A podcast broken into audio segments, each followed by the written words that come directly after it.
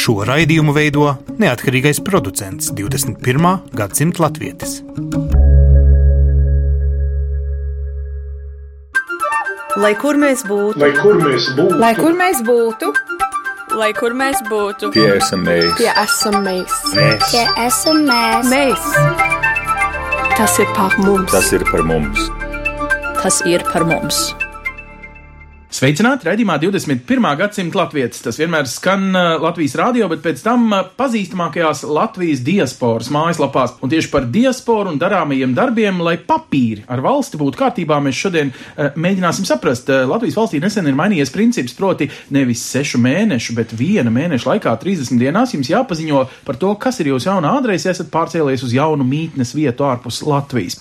Šis likums attiecas vienlīdz gan uz Latvijas iedzīvotājiem kaut vai no cēsīm līdz kuldīgai pārceļoties, gan, protams, arī uz ārzemēs mītošajiem. Tur ir zināmas pretrunas pat ar Eiropas Savienības principiem. Ja Eiropas Savienības iekšienē jūs ceļojat un uh, pārceļojat uz citu valsti, nu, trīs mēnešu laikā jums ir jāpaziņo uh, gan šai valstī, ka tagad dzīvojat pie viņiem, gan, uh, protams, arī savai nu, bijušajai mītnes zemē.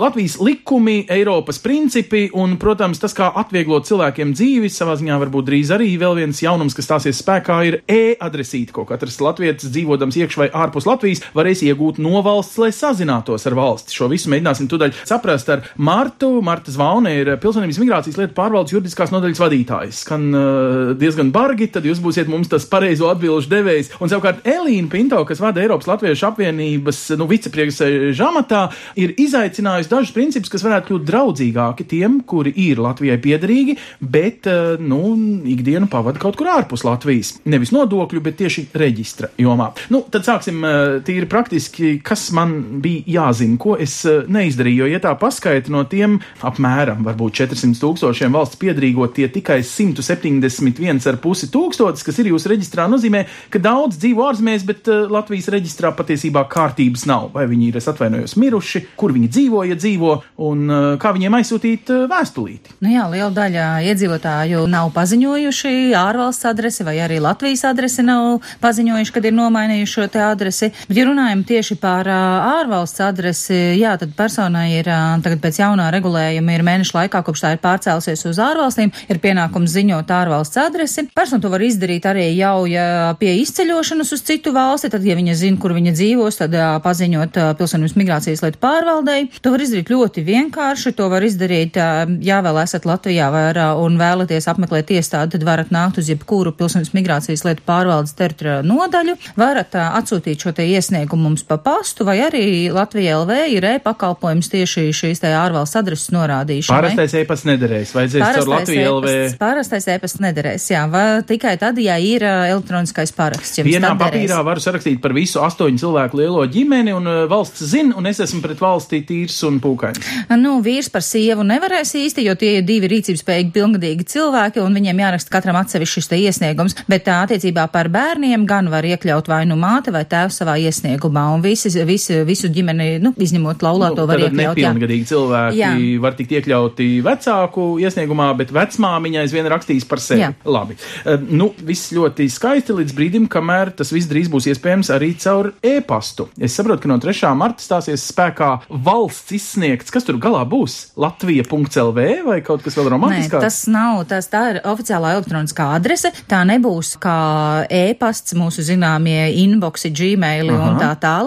Tā būs tāda droša vide, līdzīga kā internetbanka. Pie viņu vēl strādā, bet nu vēl ir trīs mēneši un no, uz to laiku cerams, ka viss būs kārtībā. Tas būs tāds drošs, tā kā internetbankas līdzīgs konts, ko portālā Latvija LV, kurā persona varēs nosūtīt valstī ziņojumus un no valsts saņemt ziņojumus. Līdzīgi arī, kas mums ir ierasts, ir EDS sistēma, vida EDS Nu, ziniet, sistēma. jums ir ierasts daudziem Jā. cilvēkiem EDS nav tik ikdienā lietots, bet EDS sistēma tā ir valsts ieņēmuma dienesta, nu tāda e-grāmatvedība ar valsti, kas jums jānokārto nodokļu vai iemaksu vai atpakaļ atgrieztās naudas formā. Labi, jūs sakat vienkārši, tā tā nebūs e-pasta sistēma, kur es varu lietot arī ikdienā, lai sazinātos ar draugiem, radiem un plus valsti, bet tas būs mans vienīgais ar valsti saziņas veids elektroniskā veidā, kur man būs pienākums izlasīt. Jā, būs pienākums izlasīt, pie tam būs pienākums izlasīt diezgan ātri, būs pienākums izlasīt divu dienu laikā, kopš šis ziņojums ir nācis, bet jūs varēsiet izvēlēties, katrs var izvēlēties, ka viņam telefonā vai uz e-pastu atnāk atnāks paziņojums, ka tavā kastītē ir iekritis jauns paziņojums, aizēj un izlasi. Bet tā tad tas nav e-pasts parastais. Kāpēc jūs nevarat katrs pilsonis, ja iedotu savu e-pastu, ko viņš lasa katru dienu, vai tā nedrīkst sazināties? Jo, ja no sava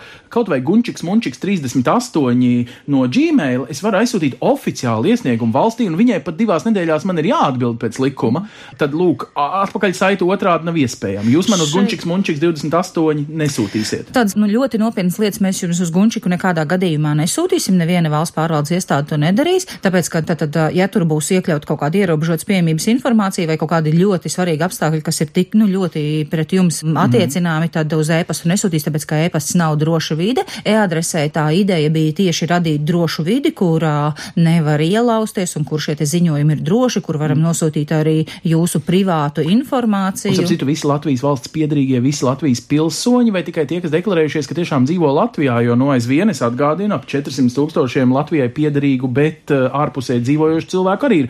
Viņiem e-pasts varētu nākotnē būt labākais saziņas veids ar Latviju. Uh, nu, šīs īpašais e-adrese. Šī e-adrese, jā, tā varētu būt lielisks saziņas veids, uh, jo, nu, tas mums katram ir ērti, jo tad uh, nebūs jāiet uz pastu ne, ne Latvijā, ne ārvalstī, kur pasts nav tev visticamāk divu soļu attālumā no mājas un strādā ne tādos laikos, kā tev ir ērti, un tad, tad tu sēžot darbā pie savu datoru vai arī vakarā mājās var paskatīties šos ziņojumus. Labi, Marta, un kas tas... ir tipiskākās lietas? Ko tā valsts parasti saviem pilsoņiem gribēs sūtīt? Karaklausība vairs nepastāv. Nu, kas reiz divos gados sievietēm ir obligātais vēža skrīnings, pieņem, ka to varētu sūtīt nevis pa pastu. Kas vēl būtu tie labumi vai sliktumi, ko valsts bieži saviem pilsoņiem grib darīt zinām? Vienkārša lieta, kas arī notiek reizes četros gados, ir vēlēšana paziņojumi, kur valsts ietaupīs milzīgu naudu, kur mēs šobrīd tērējam šo te pasta pakalpojumu sekšanai paziņojumiem. Tur ir ļoti, ļoti liela nauda. Tāpatās arī tad, kad at, visādus atgādinājumus par to, ka tev ir jāsamaksā nodoklis vai to, ka tev ir. Arī no pašvaldības? Arī pašvaldība varēs izmantot. Tātad arī zemes nodokļu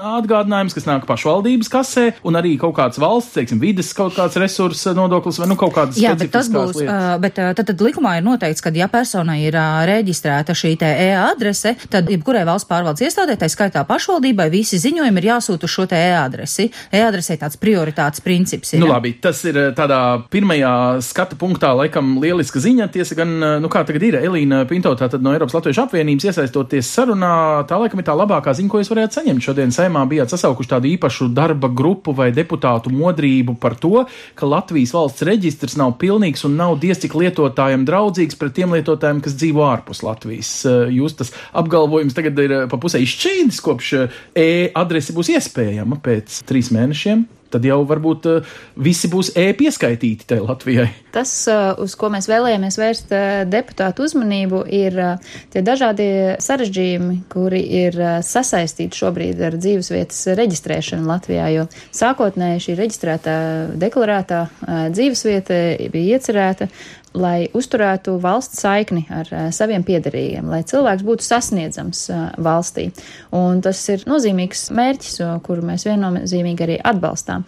Tomēr saudabīgā veidā, vēstures gaitā, šī dzīvesvietas adrese ir sasaistīta jau ar veselu virkni tiesību, pienākumu, saistību, iespēju, ierobežojumu. Un, un kas būtībā tieši... sit jau pat pa kabatu dažiem ārpus Latvijas dzīvojušiem Latvijas pilsoņiem, ja? Un uh, daudziem no šiem ierobežojumiem vai iespējām vai pienākumiem ir uh, arī finansiāls sekas uh, vai praktiskas sekas, ka cilvēks vēlas uzturēt savu saikni ar uh, Latviju vai uh, pat plāno atgriešanos. Nu, Elīna, jūs stāstījāt savu personīgo pieredzi, tātad uh, autovadītāja tiesības, jūs dzīvojat Luksemburgā ikdienā, jūs gribētu nolikt Latvijā, jo, kaut gan Luksemburgā taču maza valsts, tur noteikti īsākas rindas, ne, CSDD. Nu, šie praktiskie ierobežojumi ir ļoti dažādi. Piemēram, sāksim jau, teiksim, nodokļu jomā. Ja cilvēks nav bijis deklarēts savā nekustamajā īpašumā, kas viņam pieder Latvijā, tad pie šī īpašuma pārdošanas vai šķiršanās gadījumā īpašuma sadalas cilvēkam ir jāmaksā augstāks nodoklis nekā tas būtu, ja viņš būtu bijis deklarēts. Latvijas gadījumā, protams, pilsonim ir iespēja izvēlēties, kurā no saviem īpašumiem viņš var būt deklarēts, bet ārvalstīs dzīvojot, likums paredz pienākumu no īpašuma izdeklarēties un reģistrēt savu dzīvesvietu ārvalstīs. Pretējā gadījumā ir paredzēts pat administratīvs sots. Nu, tagad apstājamies pie šī, un tūlīt es atceros, ka ir vairāk citi ierobežojumi, bet lūdzu, Marta, izskaidrojiet, cilvēks, kurš nu reāli tur savā īpašumā bet principā sen jau dzīvo Anglijā kaut vai īrētā mājā, bet šeit viņam aizvien ir sava māja. Tagad uh, pašvaldībās bieži saņem visaugstāko iespējamo uzrēķinu par īpašumu, nu, nu, kurā viņš dzīvo, piemēram, mēnesi, kad ir brīvdienās uh, Latvijā nu, pašvaldības nosīt ļaun izmanto šo reģistru, ja tā drīkstētu teikt. Tie tādi paši Latvijas pilsoņi. Ja nu, neviens viņus tā nevar īsti regulēt un vienkārši viņas izmanto datus no jūsu uzturētā, proti, valsts uzturētā uh, valsts reģistra un nu, redz to patiesību. Viņš nav Latvijas latvietis. Nu, pašvaldības es nevaru teikt, ka viņas to dara patvaļīgi vai kaut kā tam līdzīgi, bet uh, pašvaldības, lai uh, nekustamā īpašuma nodokli piemērotu, izdod savus saistošos noteikumus, kurus saskaņo ar vidas aizsardzības reģionālās attīstības ministriju. Tātad, ja, ja šī ministrija ir saskaņojusi, tad tik tālu tas liekas, ka varētu būt procedūra ievēroties. Gan man ir informācija, ka šobrīd satversmes tiesā ir ierosināta lieta par vienu šādu saistošo noteikumu normu atzīšanu par spēkā nēsošu, bet nu, tas ir tikko ierosināta mm -hmm. lieta. Tātad mēs vēl nezinām atbildi, bet tātad nu, tā sanāk, ka tiklīdz pilsonis būs godīgi paziņojis, kur viņš īsti dzīvo un kā, šis tas var neizrādīties viņam tik veiksmīgs. Tiem vadiem nu, mēs gandrīz tā kā paredzam, ka būs kaut kāda cilvēka daļa, kas izrēķinās, ka viņam ir pat izdevīgi turpināt kā līdz šim, neziņot Latvijai, kur viņš īsti dzīvo un vai viņš vispār ir uz zemes virsmas dzīves vēl. Nu, daudzi no mums tā rēķina un skatās, jo skatās arī pa, tātad norādot dzīvesvietas adresi Latvijā, skatās, kurā pa, pašvaldībā es saņemšu lielāku bērnu piedzimšanas pabalstu, jā, kurā man būs labāka skola, nu, joprojām, tātad tas viss jau ir. Bet, uh, nu, tas īstenībā arī mainās, jo tur ir, tikko ir dažādas jomas, ja tie cilvēki, kuri to rēķina un, un nedomā tieši par to pašu savu sasniedzamību, viņi vienā dienā nonāk diezgan lielās sprukās, jo tev jāizrēķina, kur ir tev nekustamā īpašuma nodoklis būs tur mazāks, un tur atkal bērnu pabalsts saņems lielāku, vai tur atkal skolā būs labāk, un tad trijās vietās nevar būt vienlaicīgi deklarēts. Elīna, ko vēl, ja tu sakārto papīrus, var eh, nostīti skādēt? Ārzemēs dzīvošam latvietim šis nu, šobrīdējais dizains, kā tas reģistrs ir uzbūvēts Latvijā? Šobrīd arī ir aktualizējies ļoti jautājums par cilvēku atgriešanās iespējām Latvijā un par to, kā atbalstīt tos, kuri šādu lēmumu ir pieņēmuši vai gatavojas pieņemt. Un šajā ziņā ir atkal viens tāds nu, bēdīgs kurjus, ka cilvēki, kur vēlas atgriezties, piemēram, nevar iestāties bērnu dārzu rindās, ja viņiem deklarētā adrese nav uh, Latvijā. Un uh, bērnu dārzu rindas, kā mēs zinām, mēdz būt arī garas. Līdz ar to savā ziņā cilvēks ir nostādīts tādā izvēles priekšā vai melot valstī, pa, pasludināt, ka viņš jau ir atgriezies, bet tādā veidā viņš var arī zaudēt savus sociālā atbalsta maksājumus savā esošajā mītnes zemē, bet tikmēr jau stāvēt šajā bērndārza rindā, vai arī tomēr tad palikt bez šī bērndārza, atgriezties Latvijā un tad skatīties uz vietas, kādas ir iespējas. Nu, tikpat labi dažādi sociālie pabalsti vai ko, ko tu laicīgi piesakot, gal galā tas noilgums neiestājas vai citas lietas. Nu, te varbūt ir lieliska atbilde, proti, jaunā Latvijas apņemšanās, es saprotu, tuvākajā, varbūt pat šī gada laikā ieviešot faktiski divas deklarētās adreses, no kurām viena būtu primāra un otra neprimāra. Viena varbūt tad ir Anglijā, otra Latvijā. Cik tālu šī ideja mums kaut ko risinātu, nu, kaut vai lūk, attiecībā pret, piedodiet, bet katru septīto Latvijas pilsoni, kurš nedzīvo Latvijā. Nu, Pilsons migrācijas lietu pārvalde šobrīd izstrādā likumprojekta grozījums, kur varētu paredzēt šādu iespēju, jo, ja mēs esam saņēmuši ļoti daudz cilvēku zvanus un ēpastus par to, ka viņi vēlētos norādīt Latvijas adresi un ārvalsts adresi, jo viņi uzskata, ka viņi būtu sasniedzami abās valstīs un uh, labprāt vēlētos saņemt šos paziņojumus abās valstīs. Bet, nu, likumprojekts ir tikai izstrādes stadijas sākuma mm, posmā, tāpēc grūti prognozēt tā virzību. Un... Jūs vēl rakstat likumu, bet saimnes deputāti šodien es dzirdēju īpašā sēdē, kur jūs prezentējāt šo principu, jau principā gandrīz aplaudēja. Viņi teica, ka tas varētu daudz ko noņemt, kaut kādu stresu, no otras puses, nu, vai tas būtu īsti godīgi? Šīs divas adreses, tad daži var pārprast, ka tas nozīmē bezmaz vai arī tādu kā dzīvi beznodokļu zonā. Protams, uz nodokļiem šī rezidence divās valstīs, divās adresēs nekādā veidā nestrādātu. Redziet, tātad šim te likumprojektam, ko mēs šobrīd strādājam, protams, ka mēs redzam milzīgi ietekmi uz dažādām sfērām - veselības aprūpi, izglītību, arī citām. Un līdz ar to, tad virzot šo likumprojektu, noteikti būs jāizvērtē tā ietekme un jāpanāk kaut kāds kopīgais kopsaucējs. No dzīvesvietas deklarēšanas, no mūsu viedokļa, tātad mums ir svarīga persona sasniedzamība, un tātad no mūsu viedokļa arī, ja persona ir norādījusi divas adreses, tātad viņa ir sasniedzamāka šai te valstī. Bet tātad tur mēs skatāmies tikai vienu šo te vienu aspektu, bet kā jau arī Elīna minēja, tad dzīvesvietas deklarēšana šobrīd ir piesaistīta ļoti daudziem pakalpojumiem, un, un, un skaidrs, ka nevar bez to izvērtēšanas virzīt to prātu. Nu, Elīna, jūs nereiz vien gan apspriežot šo ideju par veselības aprūpas nepieejamību tiem, kas nemaksā nodokļus Latvijā, bet arī šajā reģistra kontekstā atgādināt, ka būtībā Latvija, nu tā dažreiz pat mākslīgi atsevišķas grupas, nu kaut vai tos cilvēkus, kas nav ne tur, ne tur, ir reemigrācijas statusā, piemēram, faktiski nejauši atgrūž no tāda kopējā godīgā labuma, kas pienāks viņam pirmkārt kā pilsonim Latvijā, vai ne, lai kur viņš arī būtu. Manuprāt, mēs savā likumdošanas loģikā vēl neesam aizgājuši līdzi laikam. Proti, neapzināmies faktu, ka piektā daļa Latvijas piedarīgo mīt ārvalstīs. Un jau vairāk kārt man ir nācies rūpīgi sekojot līdzi dažādiem normatīvu aktu projektiem, izķert tādas cerams nejaušas kļūmes, kas varētu atstāt ļoti nozīmīgas sekas tieši uz diasporu, kā piemēram pagājušajā gadā saimā tika virzīts likumprojekts par jauna nodokļa uzlikšanu Latvijas piederīgajiem, kuri Latvijā lieto ārvalstīs reģistrētas automašīnas. Jā. Tolaik cēlais nodoms bija novērst to, ka Latvijā dzīvojošie savas mašīnas reģistrē Lietuvā vai Igaunijā, kur ir zemāks ceļu nodoklis vai cita sistēma tam. Taču tajā brīdī, nu, es ceru, ka tā bija neapzināšanās, nevis tīšs nodoms, netika paturēts prātā tas, ka liela daļa īpaši Eiropā dzīvojošo mūsu cilvēku atgriežas Latvijā gan atvaļinājumiem, gan uz dziesmu svētkiem, gan arī savu biznesa darījumu kārtošanai. Nereti pat arī mūsu diplomāti, kuri ir norīkoti mm. darbā mūsu valsts interešu pārstāvībai, atgriežas savu darbu funkciju veikšanai Latvijā tieši ar šīm te sava mītnes zemē reģistrētajām automašīnām. Un šis likumprojekts jau paredzēja, ka cilvēkam par iebraukšanu Latvijā būtu uzliekams nodoklis 10 eiro dienā vai 1000 eiro gadā, kas bija tiešā pretrunā ar valsts pasludināto mērķi stiprināt saikni ar diaspora. Ko zaudē Latvijas valsts, ka viņas pilsoņi viņai faktiski nepiesakās, lai kur viņi arī būtu? Kaut vai pirmkārt ļoti svarīga informācija, lai zinātu, cik pilsoņi ir šīs valsts teritorijā atrodas, kas daudzos procesos ir ārkārtīgi svarīgi. Bet, ko es gribēju vēl pateikt, ka, ko mēs redzam ar katru gadu, tomēr cilvēki aizvien vairāk ziņo par šīm te ārvalsts adresēm, jo ir pieejama, tā ziņošanas veids ir ērts un, un, un salīdzinot ar 16. gadu šogad ir divkāršojies saņemto paziņojumu. Kāpēc skaits. cilvēki kļūst, jūsuprāt, apzinīgāk? Ir kaut kādi arī labumi, ko tomēr viņi faktiski gūst no tā, ka viņi reģistrā, nu tad ir deklarējušies, kur īsti viņš ir iekšā vai ārpus Latvijas, un attiecīgi, jeb, jeb tikai, tā teikt, piedodiet, izvairīšanās no soda naudas.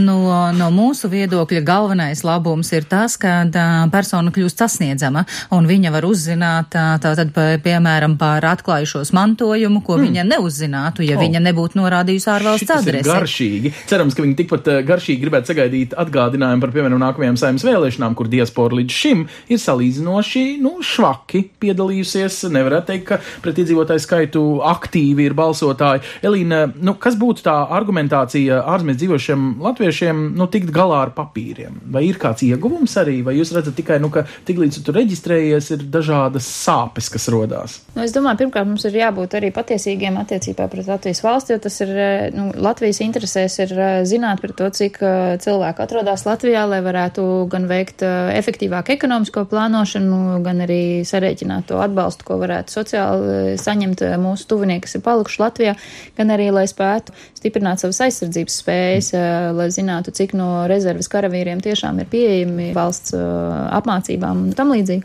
Bet katram arī individuālais labums, tas, protams, ir rēķināms. Ja cilvēks nepaziņo Latvijai par savu dzīvesvietu ārvalstīs, ir jāņem vērā to, ka valsts ieņem dienests var pirmšķietam pieņemt ka cilvēks ir arī nodokļu maksātājs Latvijā, un tādā gadījumā ar pieprasīt, lai no visiem personas gūtiem ienākumiem nodoklis tiktu maksāts uh, Latvijā. À, arī um, no tiem, kuri faktiski ir gūti citā no valstī. Arī no, jā. À. Tātad Latvijas nodokļu rezidenti nodokļus maksā arī no uh, Latvijā pēc Latvijas likmēm uh, ārvalstīs uh, gūtajiem ienākumiem. Un te parādās Vienlaiks, šis aspekts, ko jūs uh, šodien darījāt mūs, uh, nu varētu teikt, bažīgus, kopīga mājsaimniecība. Latvijā mums ir uh, kādi 50% bērnu, kas dzimst faktiski nereģistrētās attiecībās. Tātad tas nav vīrs ar sievu, kur vīrs ir aizbraucis, eh, piemēram, kaut vai īslaicīgā peļņā uz, nu, pieņemsim, Angliju. Tātad ir vairākas pat ģimenes, kuras faktiski var nu, nonākt problēmās ar naudas pārsūtījumiem, kad tētis, kas, nu, pēc papīriem ir citā uzvārdā, bet aizvien reāli ir šīs ģimenes tēvs un apgādnieks, sūta naudu un eh, Rīgā viņu nejauši apliek ar nodokļiem, kad nevajadzētu, jo tā ir tikai pārsūtījums no vīra sievai uz Latviju. Jā, mēs pagājušo gadu arī vērsām eh, gan finanšu ministrijas, eh, gan valsts ieņemdienas uzmanību uz to, ka šie diasporas pārskaitījumi gadījumos, ka tie veikti cilvēkiem, kas nav oficiāli tuvi radinieki, tiek aplikti ar ienākumu nodokli. Un, kā jau minēji, tad ļoti liela daļa cilvēku dzīvo neoficiāli, nu, nereģistrētā Nu jā, nu, kopdzīvē. tā ir, tā ir 21. Un, gadsimts. Šajā gadījumā valsts ieņēmuma dienas skaidroja, ka ja pārim ir uh, bērns, tad uh, varētu uzskatīt, ka šī ģimene ir kā kopīga mājasaimniecība. Taču kopīga mājasaimniecība tā var būt tikai tad, kad uh, ir šī faktiskā uzturēšanās kopā. Un tiklīdz cilvēks ir uh, deklarējis savu dzīvesvietu ārpusē, tad valsts ieņēmuma dienestam ir pamats uzskatīt, ka šī kopīgā mājasaimniecība nepastāv. Bet Tad atkal- izjukusi kā ģimene, kaut gan viņa nemaz nebija nodibināta valsts priekšā, tātad viņa ir arī neizjukusi valsts priekšā, bet vairs nav Nu, kopīga. tas vienkārši rada atkal papildus uh, sarežģījumus, ka, tu, protams, tu vari pārskaitīt tad savam bērnam, tad tev ir jāver vaļā nu, vai nu bērna konts, un tad ir vajadzīga pilnvara, lai tad tā uh, mamma vai tēts var uh, apsaimniekot. Proti, katram mūsu lēmumam ir arī zināms seks, tāpat kā, piemēram, šajā jau manis pieminētajā gadījumā par uh, iebraukšanas auto nodokli. Jā. Šajā gadījumā ir skaidrs redzams iegūms, ka, ja tava dzīvesvieta ir reģistrēta ārpus Latvijas, mēs toreiz panācām to, ka tiek piemērots izņēmums diasporai. Mm -hmm. Tātad, ja cilvēka dzīvesvieta ir reģistrēta ārvalstīs un viņš iebrauc Latvijā ar ārvalstīs reģistrētu automašīnu, šis nodoklis netiek piemērots. Ja cilvēkam ir palikusi kaut kādu aprēķinu dēļ uh, dzīvesvieta Latvijā, tad viņam Latvijā ārvalstīs reģistrēta mašīna nu, nebūtu izdevīgi lietot. Līdz ar to nu, tas ir aprēķins, kas jāveic pašam, bet mūsu mērķis šodien bija nevis nostādīt cilvēku šādu kalkulāciju mm. priekšā, kad mums ir jāvērtē savus pienākums pret valsti vai, teiksim, šī sasniedzamība, kas ir pozitīvs mērķis, lai mums nebūtu tā jārēķina pēc šādiem materiāliem aprēķiniem. Mums ir daudz vērtīgāk un ilgtermiņā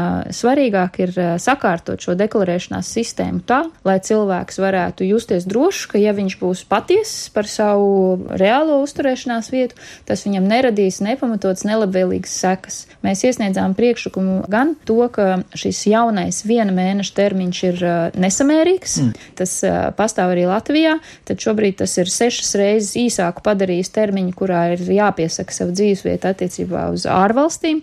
Otrakārt, Eiropas Savienības regulējums paredz to, ka jebkuram cilvēkam Eiropas Savienības ietveros ir uh, brīvība pārvietoties un mainīt savu dzīvesvietu trīs mēnešu laikā bez papildus šķēršļiem un administratīvajām prasībām, izņemot to, ka viņam jābūt derīgai pasei. Nu, protams. Un uh, šis arī lielā mērā ir arī praktiski neizpildāms vai grūti izpildāms uh, nosacījums, jo pirmkārt pastāv cilvēki, kuri dodas ceļojumos, kas ir garāki nekā viens mēnesis. Mums ir daudz studentu, kas dodas apmaiņas braucienos, brīvprātīgā darba braucienos. Ir uh, šīs ģimenes, kuras uh, dzīvo pārmaiņas vienā valstī un otrā. Un treškārt tas ir neiespējams bieži vien tāpēc, ka cilvēkam, kurš ir iebraucis kādā citā valstī, sākotnēji viņam nemaz nav iespējas oficiālu kaut kādu adresi sev noformēt. Mm. Vai nu valsts nav gatava izdot šādu apliecinājumu, kamēr nav oficiāls īres līgums un tam līdzīgi, vai arī ir pat, ja pat tu mitinies pie kāda, tad pastāv šai personai iebildumi pret to, lai tu varētu Viņa adresi deklarēt kā savējo. norādīt kā savējo. Līdz ar to mūsu priekšlikums ir rast samērīgu kompromisu un noteikt šo termiņu vismaz trīs mēnešu garumā, kas ļautu gan cilvēkiem atbilstoši Eiropas principiem iekārtoties kaut kur. Man likās. Elīna, ka šis jūsu sauciens pēc trīs mēnešiem, kā tādu kompromisu, bija sadzirdēts saimā šodien, cik es redzēju deputātu acīs, bet vai tiešām ir tā, ka Latvijas reģistrs ir kļuvis daudz bargāks? Agrāk, es saprotu, ir bijuši tiešām pat pusgads eh, šī iespēja kaut ko darīt zināmu, ka tu jau esi aizbraucis un tā. Kāpēc jums tagad eh, pēkšņi tādas izmaiņas ir bijušas vajadzīgas, ka mēneša laikā tiešām nu, viens otrs aizbrauc uz pusgadu studēt un atbrauc mājās, it kā nekas nebūtu bijis, pat nav paspējis sajusties kā ārzemju latviečs, vai tad viņš ir tajā brīdī ārzemju latviečs, pat pēc mēneša studentam jau jāziņo, ka viņš vispār tagad ir Nīderlandē uz pusgadu. Nu, faktiski tas, kas ir likumā ir ierakstīts, ir dzīves vietas maiņas gadījumā ir jāziņo. Ja tu aizbrauc kā turists vai uz īslaicīgu vizīti, kur tu neplāno pārcelties uz dzīvi, tad formā no likuma, formā likums nepieprasa tev paziņot ārvalsts adresi. Mm -hmm. Tāpēc tas ļoti lielā mērā ir atkarīgs arī no tā, kā cilvēks uzskata, kāpēc viņš pārceļās uz turieni. Bet attiecībā par mēnesi, trījiem vai sešiem, tātad arī šobrīd ir jau, jau ļoti sen ir likumā iekļaut norma par to, ka jau arī šī mēneša laikā ir jāpaziņo arī citas ziņas, kas ir iekļautas izmaiņas iedzīvotāju reģistrā, un arī tam ir ļoti liela nozīme. Kas ir citas? Es nezinu. Es tikai zinu vārds, uzvārds un adresi. Viss. Jā, piemēram, ja cilvēks ir ārzemēs noslēdzis vai izšķīris lau, laulību, ārkārtīgi svarīgi arī mums paziņot, jo, piemēram, cilvēks, kas ir šķīries, viņš izdomās uh, slēgt jaunu laulību atkal ārzemēs, tad viņam no pilsonības valsts pieprasa izziņu par to, ka tu esi šķīries. Un tad viņam tajā visā trakumā ar jaunās laulības formalitāšu kārtošanu un kāzu organizēšanu viņš prasa Latvijai izziņu, iedodiet man izziņu, ka es neesmu precējis, un mēs sakam, nē, mīļais draugs, tu mums neesi paziņojis, ka tu būtu šķīries. Es sakiet, cik nopietni pierādījumi jums ir jāiesniedz, jo es no jums dzirdēju, ka šī deklarācija ir tikai vienkārši uzraksts. Tā ir. Jums Jā. pat nav īsti jāiesniedz kopija no citas valsts civilā aktu stāvokļa reģistra, kurā ir redzams, ka tu tiešām šķīries no tās savas pirmās laulības. Attiecībā par adresi nav jāiesniedz nekādu pierādījumu par to, ka tu tur esi reģistrēts, jo daudzas valsts ir tādas, kurās arī tev nav nekāda tāda reģistri jāizdara obligāti. Uh, tur mums pietiek ar personas paziņojumu, kur persona pat uzņems atbildību, ka viņa tiešām dzīvo tajā adresē, ko viņa mums ir norādījusi. Attiecībā par citām ziņām tur gan tātad par laulību šķiršanu vai noslēgšanu noteikti būs vajadzīgs uh, dokuments, kurš ir derīgs Latvijā. Labi, nu tātad laulība, es esmu saskāries pats, ka mums ir diezgan nezināms stāvoklis par uh, faktiski, nu, vairāk varbūt trimdas tautiešiem un tomēr par mirušajiem Latvijas, nu, var teikt, dubultpilsoņiem. Mums citreiz nav pilnīgi nekādu ziņu no tās valsts, tātad tur arī reģistrā ir, es atvainojos, melnais caurums, tā teikt, bet kur vēl ir tie, nu, jautājumi, par ko man ir jāziņo? Tātad ne tikai adrese, ne tikai mm. mans civils stāvoklis, esmu vai neesmu laulāts, bet. Piemēram, ja tev ir nomainīts vārds vai uzvārds, arī ļoti nopietna lieta, jo ārzemēs var arī nomainīt vārdu uzvārdu. Ir tādas valsts, kas pieļauj man nepilsonības valstī mainīt. Un tātad, piemēram, māte ir, nu, sieviete ir nomainījusi vārdu uzvārdu, viņai piedzimst bērniņš, viņa grib reģistrēt šo te bērniņu kā Latvijas pilsoni. Atkal Latvijas valstī nāks viņai teikt, klau, mums neeksistē Latvijā tāda sieviete ar tādu vārdu uzvārdu. Sakiet, lūdzu, arī, ja mainās viens burtiņš, kā nejauši gadās, izņemot kādus jaunus dokumentus, mainās galotnes vai y tiek lietoti vai citi burtiņi, lai izteiktu faktiski to pašu skaņu mītnes zemes izpratnē? Nu, nē, nu, par tik laikam mazām izmaiņām nav, nav vajadzīgs, jo tur nebūs lēmums nekādā, nu, droši vien, ka nebūs tajā valstī lēmums par uzvārdu maiņu, un tik mazas izmaiņas mēs noteikti varēsim identificēt, jā, ka nu, tās ir tai pašai. Paliek, jā. jā.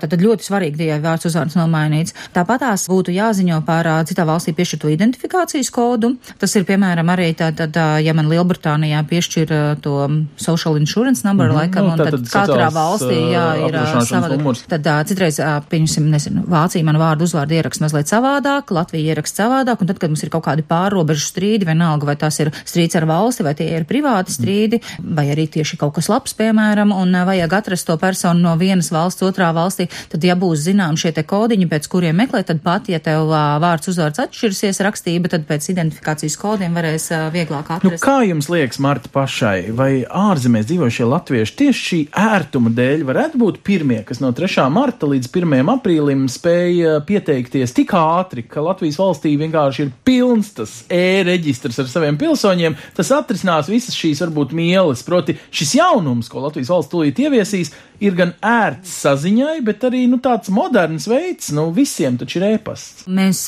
ļoti priecātos par to, ja, ja ārzemju latvieši būtu tie, kas pirmie parādītu šeit Latvijā dzīvojušiem latviešiem priekšzīmu un aktivizētu šīs te e-adreses. Mēs, protams, ka ļoti ceram arī, ka Latvijā dzīvojošie sapratīs šīs te e-adreses ērtumu un, nu, redzēsim, kā tas attīstīsies. Elīna, kas tagad būtu tas jēdzīgākais formulējums likuma izmaiņām vai principam, kas atrisinātu visiem šo sāpi, ka mēs zinām, ka to vajag darīt, par to PMLP ir Latvijā runājusi gadiem, bet nu nedara. Nu, trešdaļa ir izdarījusi to pienākumu savā ziņā pret valsti, kurš pats var dot viņiem arī savu ekonomisku labumu, ne tikai sliktumu, ko mēs te varbūt uzskaitījām. Nu, es domāju, ir divas lietas.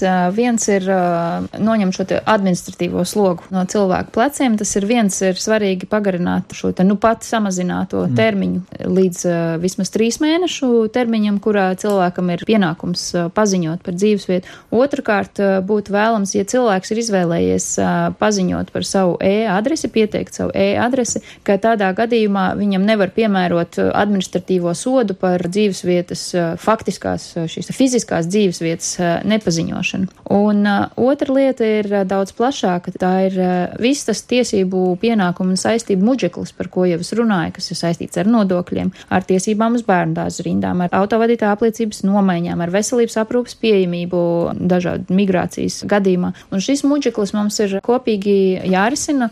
Es priecājos dzirdēt par to, ka ir ideja iespējams pieļaut, kā mēs šodien ierosinājām, divu uh, dzīvesvietas adrešu deklarēšanu, uh, viena, kas būtu ārvalstīs un viena, kas ir Latvijā. Un uh, tas mūsu skatījumā varētu palīdzēt atrisināt arī šīs daudzās sarežģītās lietas, kas ir dzīvesvietas reģistrācijai piekabināta, jo mūsu ieskatā nav pamata piemērot daudzkārt augstākus nodokļu maksājumus cilvēkam par viņu nekustamo īpašumu, piemēram, vai pārdošanas, vai savu vienīgā īpašumu pārdošanas gadījumā tikai par šo faktu, ka viņš dzīvo ārvalstīs un likums līdz ar to viņam ir liedzis būt deklarētam šajā īpašumā. Mēs vēlētos šādus nepamatotus atšķirības novērst un ceram, ka strādāt kopā ar gan pilsonības migrācijas lietu pārvaldu, gan arī atbildīgajām ministrijām. Daži noklausās un saprot, ak, Dievs, man tiešām kaut kas nav izdarīts, un te ir tas soda princips uzreiz valdībai. Vai valdība piemēro šo sodu cilvēkam, ja viņš godīgi atzīst, ziniet, es nesapratu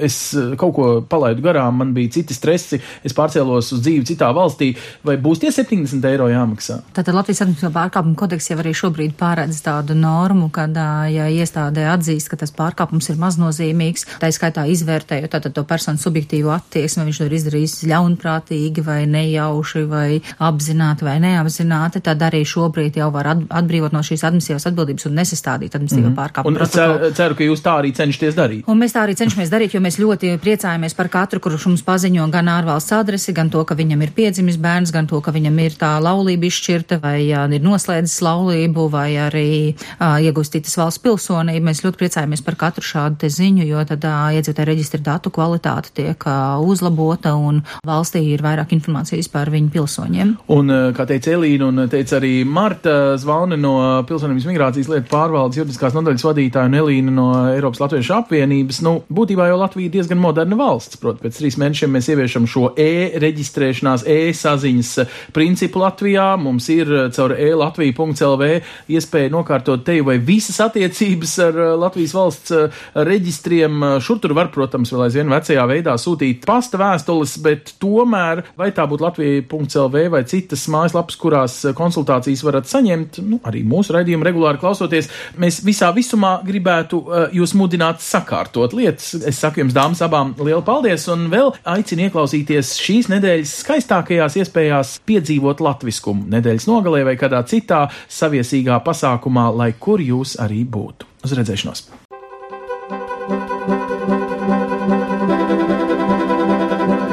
Sadarbībā ar, ar Latviešu.com piedāvājam globālais latviešu notikuma apskats, kur ir tur rodas. Kur ir tur rodas?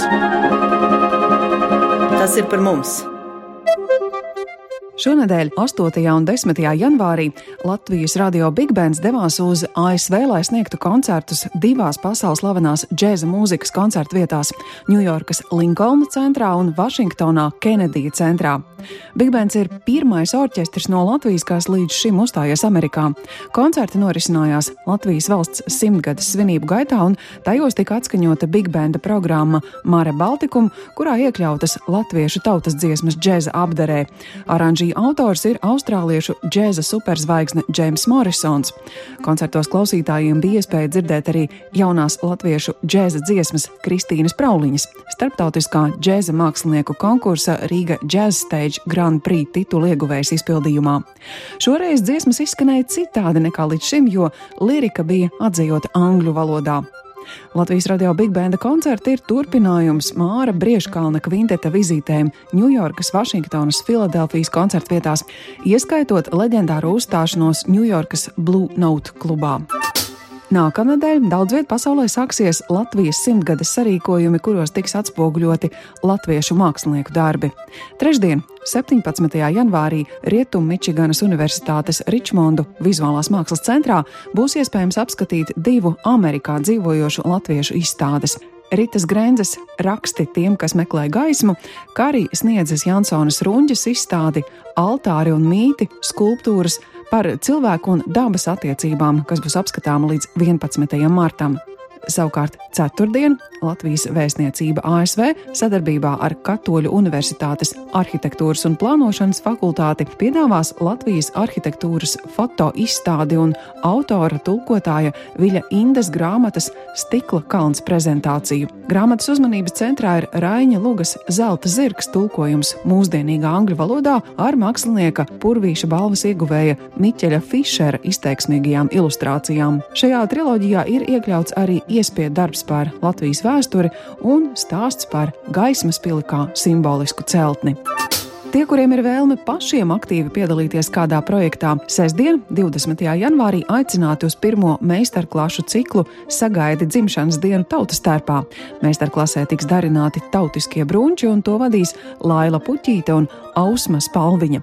Bet svētdien, 21. janvārī, Kanādā Hamiltonas apvienoto latviešu organizāciju komiteja aicina ikvienu interesantu uz dokumentālās filmas izrādi Vārpa apsolītā zeme. Tas notiks pēc dievkalpojuma. Filmā ir stāsts par cilvēkiem, kas pagājušā gadsimta sākumā pameta Latviju, bēgdami no smagajiem apstākļiem pēc Pirmā pasaules kara. Viņi devās uz zemi, kuru sludinātāji bija nodēvējuši par vietu, kur sagaidīt pasaules galu un Kristus otrreizējo atnākšanu. Tāpat nākamnedēļ tautiešiem pasaulē būs iespēja baudīt latviešu mākslinieku koncertus. Dziedātāja un mūziķe Elizabete Balčus piekdien, 19. janvārī, uzstāsies Nīderlandes pilsētā Groningenā un svētdien, 21. janvārī, Berlīnes klubā Urbāns Šprē. Elizabete savā daļradē savieno dažādus harmoniskus un kontrastējošus elementus. To mēdz dēvēt gan par avangardisku, elektronisku popmūziku, neopsihadēliju, tajā jūtams arī džēza un kameru mūzikas vēsmas tomēr tā īsti nepakļaujas formāliem apzīmējumiem. Savukārt Kanādas pilsētā Toronto 25. janvārī Svētā Jāņa baznīcā uzstāsies Latvijas un pasaules operas zvaigzne soprāns Maija Kovaļevska. Plašāku informāciju par daudziem citiem gaidāmajiem notikumiem, kas saistoši visā pasaulē dzīvojošajiem latviešiem, meklējiet portālā latvieši.com notikumu sadaļā, 21. gadsimta latvietis Facebook lapā, kā arī daudzās, jo daudzās latviešu kopienu mājaslapās pasaulē. Raidījumu veido Ancis Bogustovs, Paula Gulbinska, Arta Skuja un mūsu ārzemju korespondenti. Raidījuma producents Lukas Rozītis.